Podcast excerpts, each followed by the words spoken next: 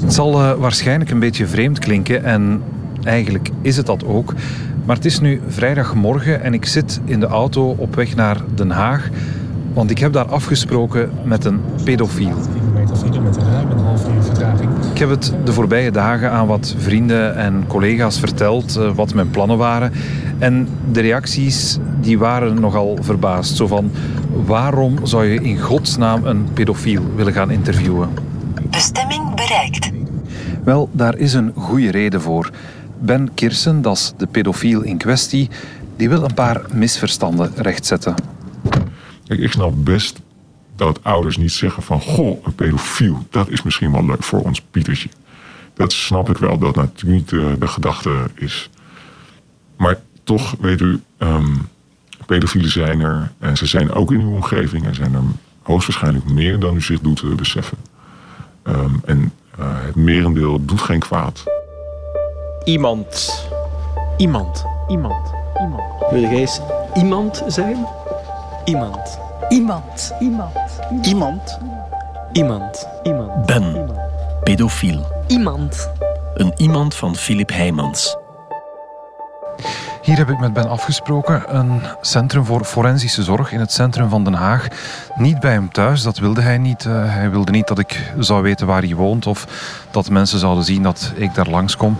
Dus vandaar een uh, neutrale plek in het centrum van Den Haag waar hij op zijn gemak zijn verhaal kan vertellen.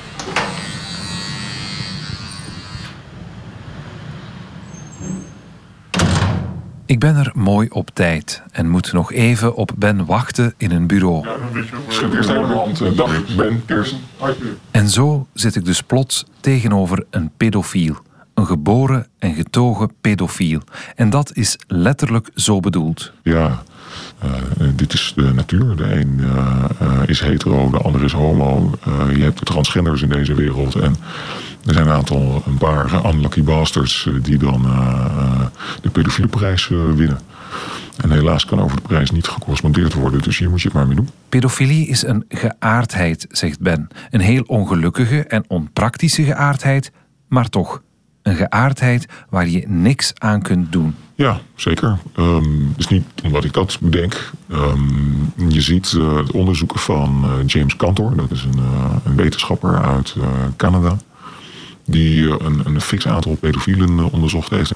Dus hij zegt ook, er zijn indicaties dat uh, de geaardheidspedofilie al in de baarmoeder zijn ontstaan. En dus niet na de geboorte door opvoeding of door situaties of trauma's zijn ontstaan.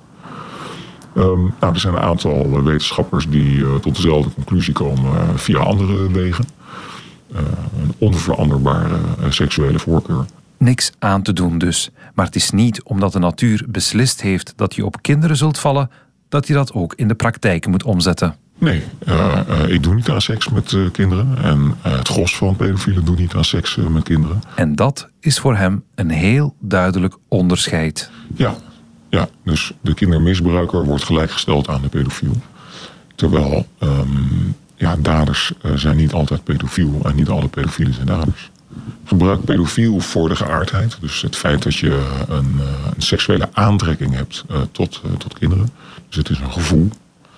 Um, en als je het over seksueel misbruik hebt, dan gaat het over een daad. Het is een actie. Dus noem een kindermisbruiker een kindermisbruiker of een zedendader. en noem een pedofiel een pedofiel. Nu, voor Ben is dat verschil tussen een pedofiel en een kindermisbruiker wel duidelijk.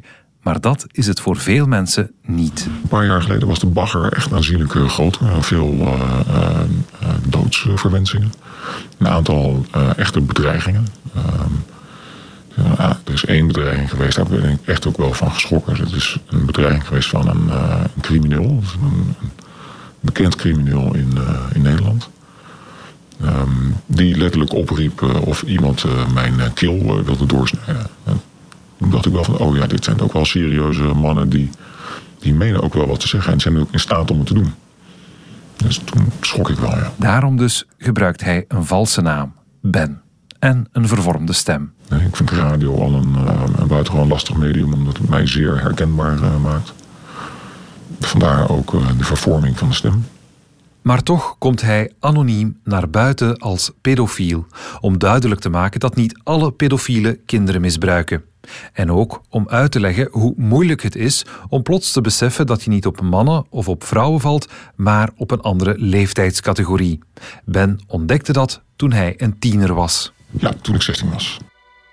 Dat gaat niet helemaal met een soort lightbulb moment. Uh, dat ontstaat natuurlijk. Je weet op je 12e, 13e, 14e merk je wel... Um, hey, ik vind uh, in mijn geval jongens uh, leuk.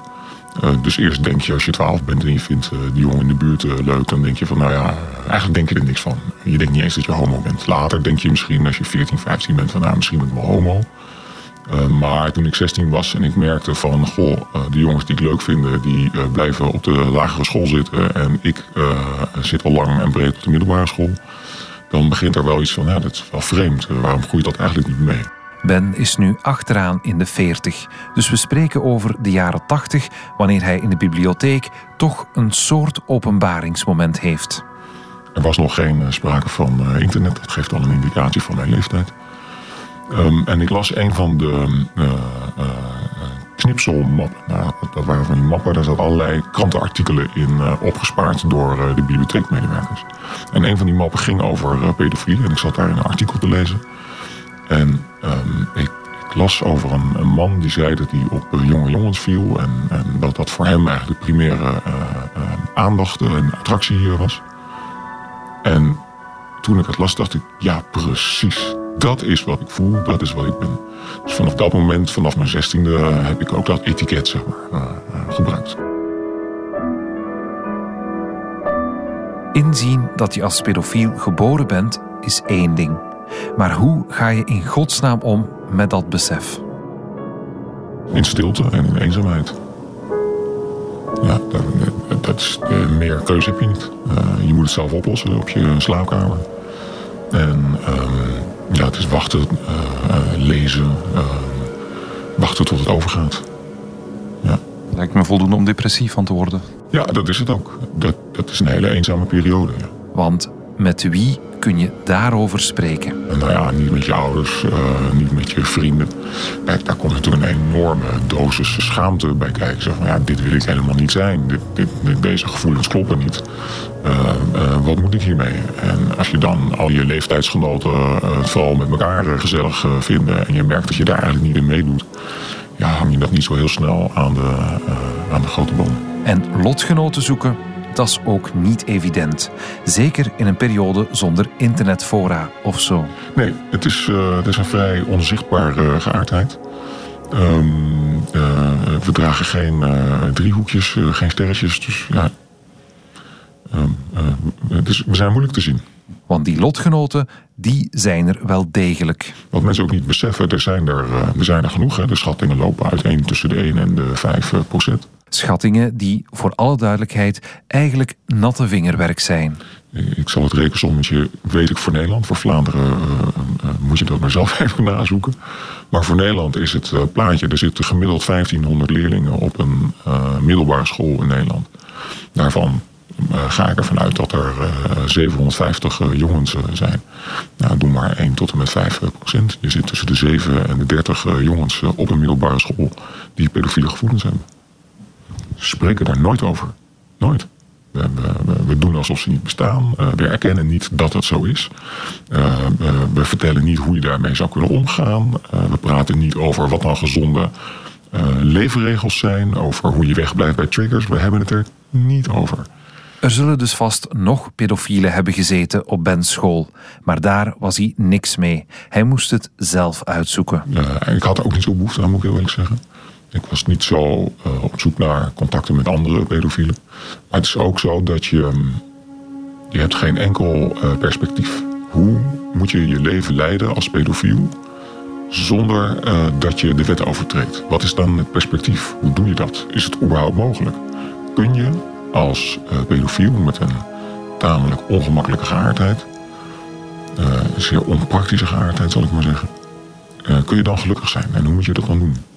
Is niemand die je dat vertelt als je 16 bent. Er is geen rolmodel waar je naar kan kijken. Het enige waar je over leest in kranten, waar je over hoort op radio en televisie, um, is seksueel misbruik. Een pedofiel werd getipt als dader, maar ontkende altijd zijn betrokkenheid. Omdat hij zijn zoon van 11 jaar jarenlang verkracht heeft en ook uitgeleend aan een Duitse pedofiel.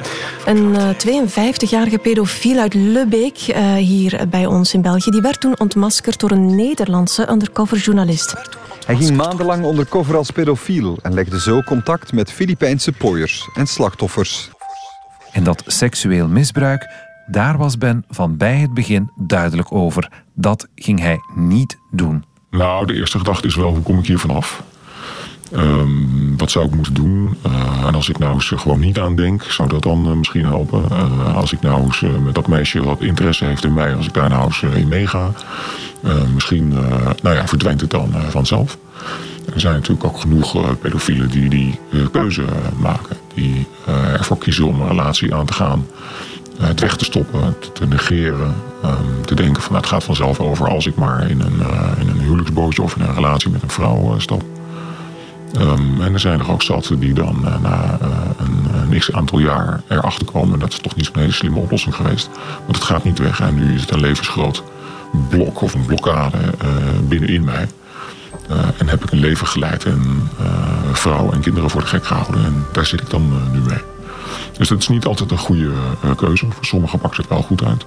Sommigen hebben ook meerdere mogelijkheden. Dus naast een pedofiele geaardheid ook een, een hetero geaardheid.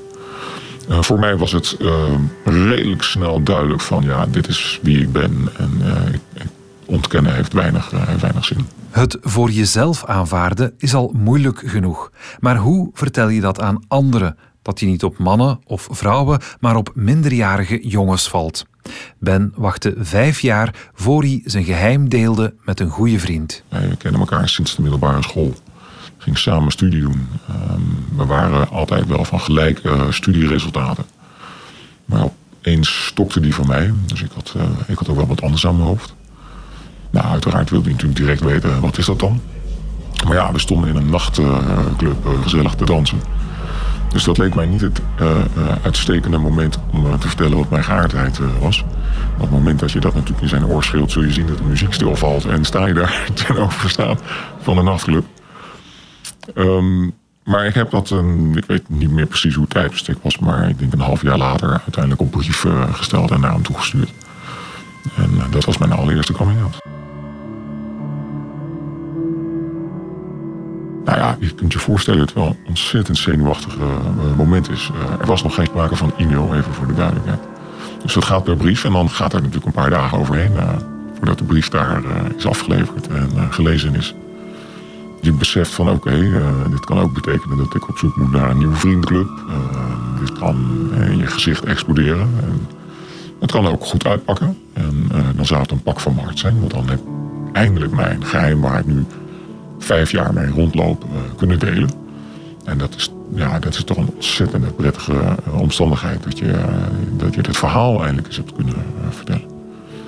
En ehm, enkele dagen later kwamen we elkaar tegen bij een uh, verjaardagsfeest. En, uh, dus ik dacht ook, voordat ik daar de deur binnenstapte, ik denk, nou ja, this is it, this is the moment. In Nederland heb je uh, de gewoonte om iedereen op een verjaardag de hand te schudden en te feliciteren met de jarige. Hij was de laatste in de rij en met een grote glimlach schudde hij bij de hand en zei, oh, ik heb nog een brief voor je die dus de rest van de avond in mijn binnenzak zat te branden.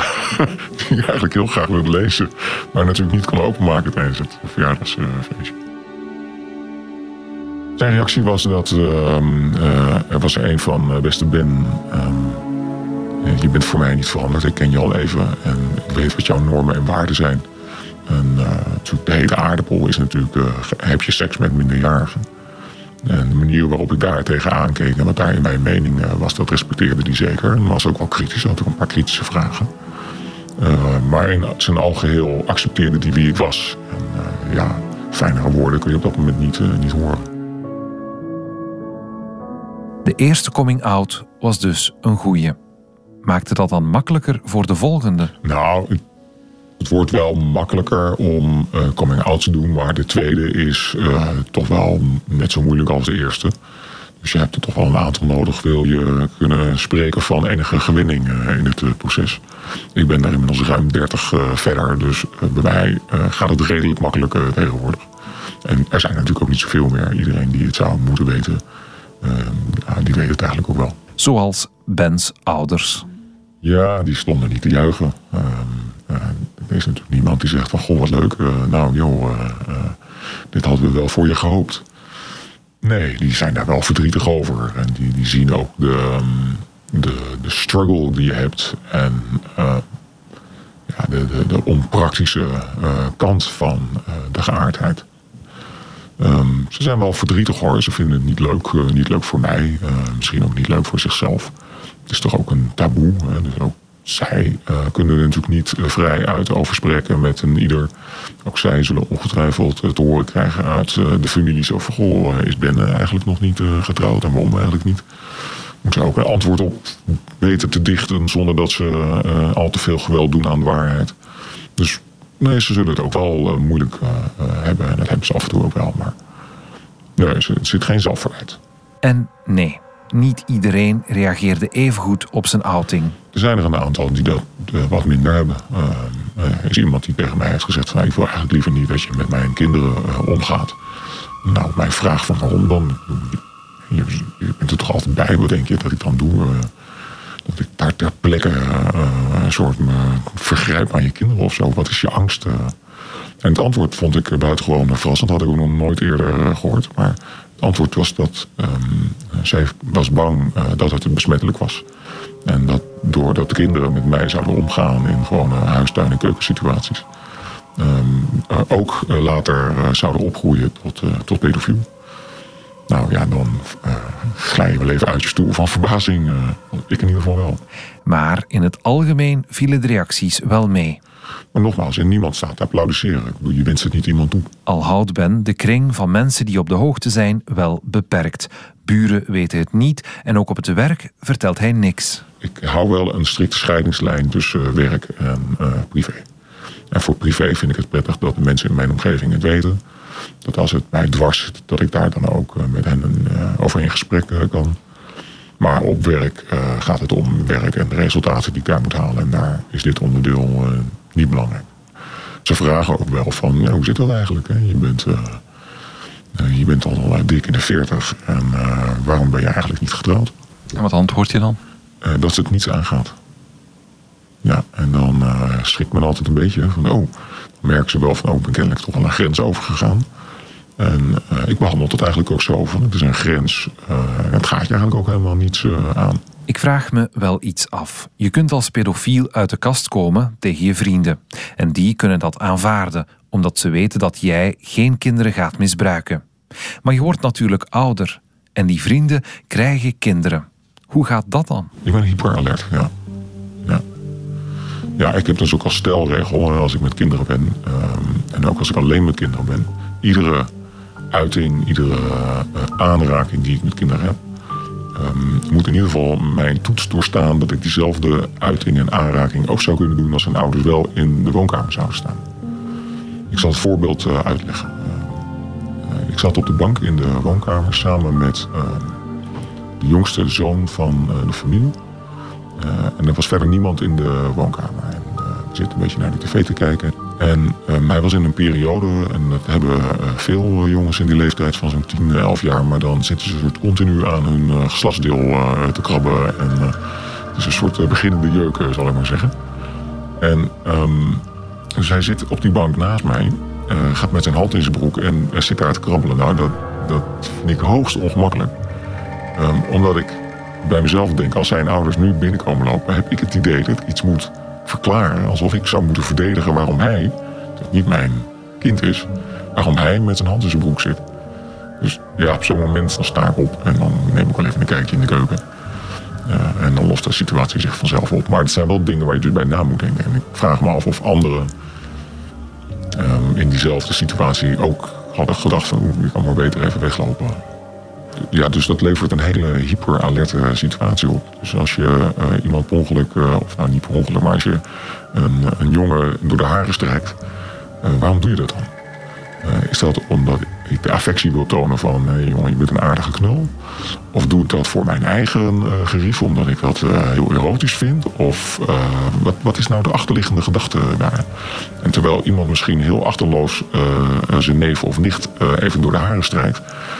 kan ik twintig minuten lang nadenken van ja, waarom deed ik dat eigenlijk? En, was dat wel een zuivere argumentatie die ik daar aan ten grondslag heb liggen? Iemand zei laatst, uh, toen ik een lezing uh, gaf, toen zei een jonge student, uh, die zei tegen mij van... het lijkt me buitengewoon vermoeiend om pedofiel te zijn. En dat heb ik eigenlijk nooit zo gerealiseerd. Ik bedoel, ik ben het en dit is mijn leven. ik weet niet anders. Maar ik vond het eigenlijk wel een treffende opmerking die ze maakte. En dat je altijd zo hyper alert moet zijn met kinderen van vrienden... is natuurlijk niet het enige vervelende aan pedofiel zijn... Er is ook dat andere probleem voor iemand die op jongens valt. Ik heb geen seks. Ja, zo simpel is het. Um, zo moeilijk uh, is dat eigenlijk helemaal niet, geen seks hebben. Het is niet altijd leuk. Ik zeg niet dat ik hier in een soort halleluja-stemming verkeer... dat ik niet aan seks doe. Um, maar ik laat het aan de fantasie van de luisteraar over... hoe ik aan mijn gerief kom. Voor alle duidelijkheid, niet met kinderporno. Nee. Er zullen ongetwijfeld uh, mensen zijn die zeggen van... Ja, maar ik kijk alleen maar naar het beeld, ik heb ze niet zelf gemaakt. Dus het is niet mijn misbruik. Nou, formeel klopt dat, hè.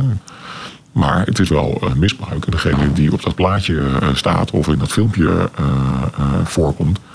heeft, ehm, denk ik, zelden plezier aan de gedachte... dat jij met dat plaatje aan de haal gaat. Intussen houdt Ben het dus al zo'n 30 jaar vol. En het taboe op pedofilie dat is er nog altijd. Misschien is het zelfs nog groter geworden door gebeurtenissen als de zaak Dutroux. Twee uur vanmiddag het gerechtshof van Neufchâteau. Verdachte Marc Dutroux wordt weggevoerd naar de gevangenis. Ontvoering en opsluiting van minderjarigen luidt de aanklacht. De volkswoede is groot. Ja, ik dacht wel uh, onmiddellijk, dit uh, is een game changer. Ik bedoel, men liep op straat, grote spandoeken, dood aan pedofielen. En toen wist ik wel, men heeft het over mij. Dit, dit gaat niet over meneer Dutroux.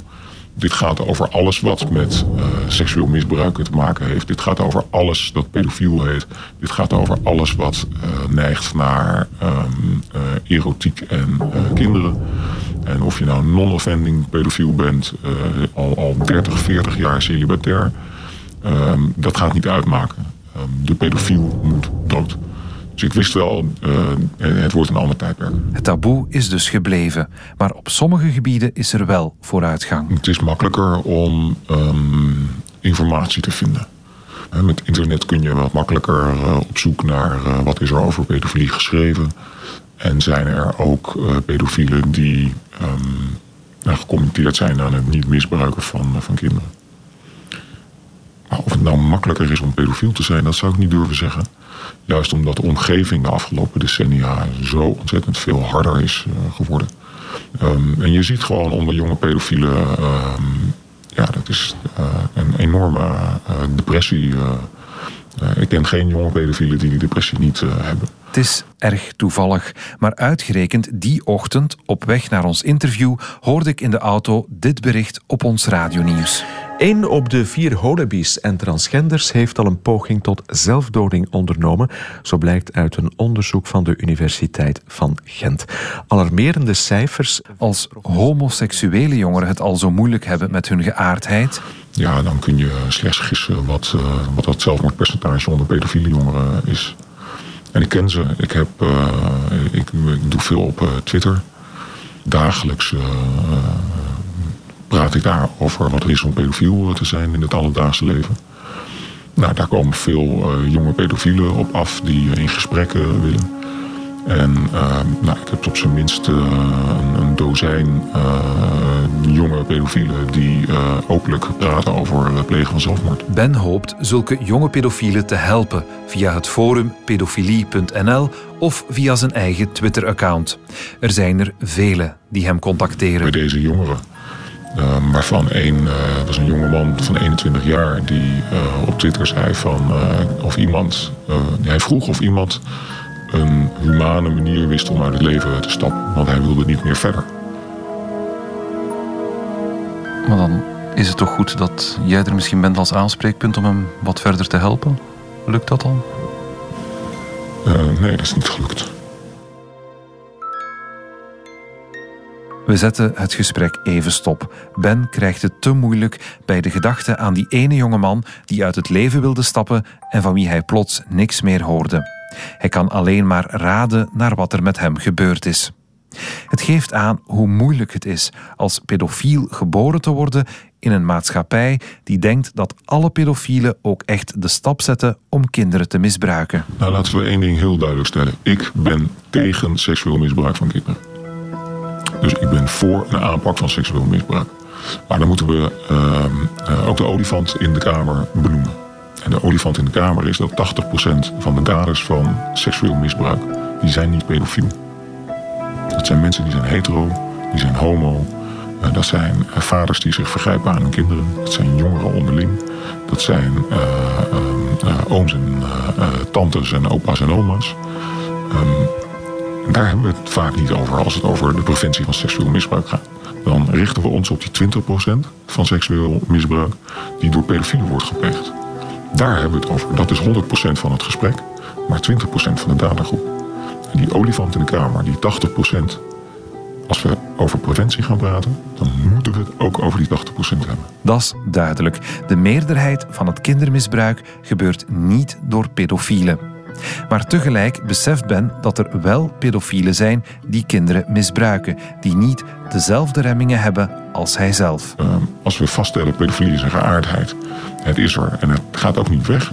Maar um, als we er wat aan willen doen en we willen een veiliger uh, land en we willen een veilige omgeving voor kinderen, laten we dan op zijn minst onderzoeken hoe hou je uh, uh, mensen in bedwang. Hoe geef je ze een uitlaatklep zodat ze niet overgaan tot het seksueel misbruik van kinderen. Laat wetenschappers dat onderzoeken. Laten we op zijn minst praten, zegt Ben. Binnen de hulpverlening ziet hij de laatste tijd meer openheid om het zonder taboes te hebben over pedofilie.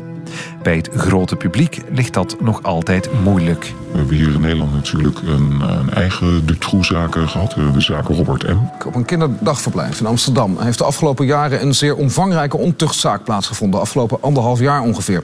De ouders zijn vanavond door de politie geïnformeerd en het zou om 40 à 50 kinderen gaan. En dan merk je ook wel, met name ook in uh, de media, dat dan weer alle nuance verdwijnt. Dus dan is het verschil tussen een pedofiel en een zedendader is dan uh, volkomen, weg. Ja, dan moet je uh, ja, weer opnieuw beginnen en uh, je boodschap maar blijven herhalen.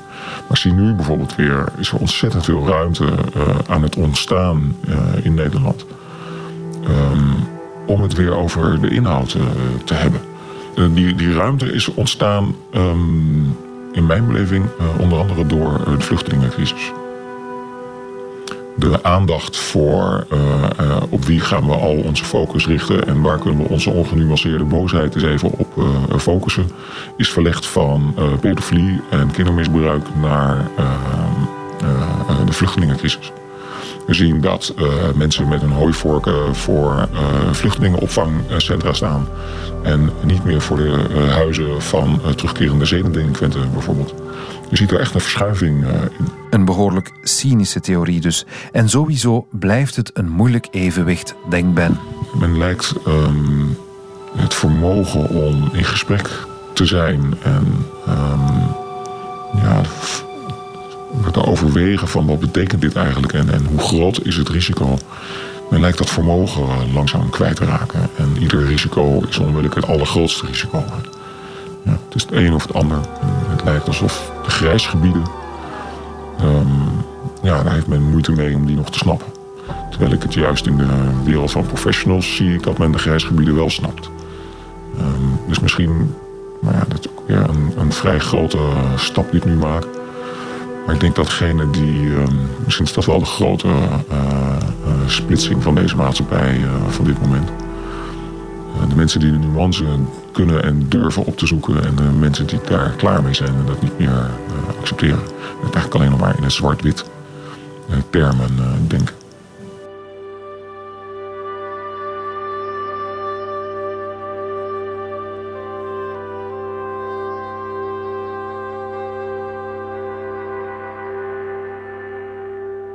Herken je die gevoelens of wil je gewoon meer info? Dan kun je dus terecht bij pedofilie.nl of je kunt Ben Kirsten aanspreken op Twitter.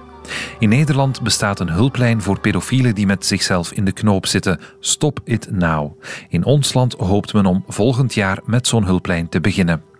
En om op een positieve noot te eindigen, die 21-jarige pedofiel, van wie Ben vreesde dat hij uit het leven was gestapt, die heeft onlangs opnieuw contact met hem opgenomen. Dit was Iemand, een productie voor Radio 1 van Wart Bogaert en mezelf, Filip Heijmans. Met opnieuw veel dank aan Ben Venesoen, die het allemaal nog veel mooier heeft laten klinken dan wij ooit zouden kunnen. En volgende week hebben we iemand anders. C'était la course contre la montre et la course contre la mort. Et là, j'ai vu des choses, des choses horribles pendant trois mois. J'essaye d'oublier, mais c'est pas possible. Je suis content d'avoir pu sauver des vies. Enfin, j'ai fait ce que j'ai pu et je suis content de l'avoir fait. Intussen vind je ons op radio1.be of op de Twitter- of Facebookpagina van Radio 1. Ken of ben je zelf iemand met een verhaal? Laat het ons dan zeker weten op iemand.radio1.be.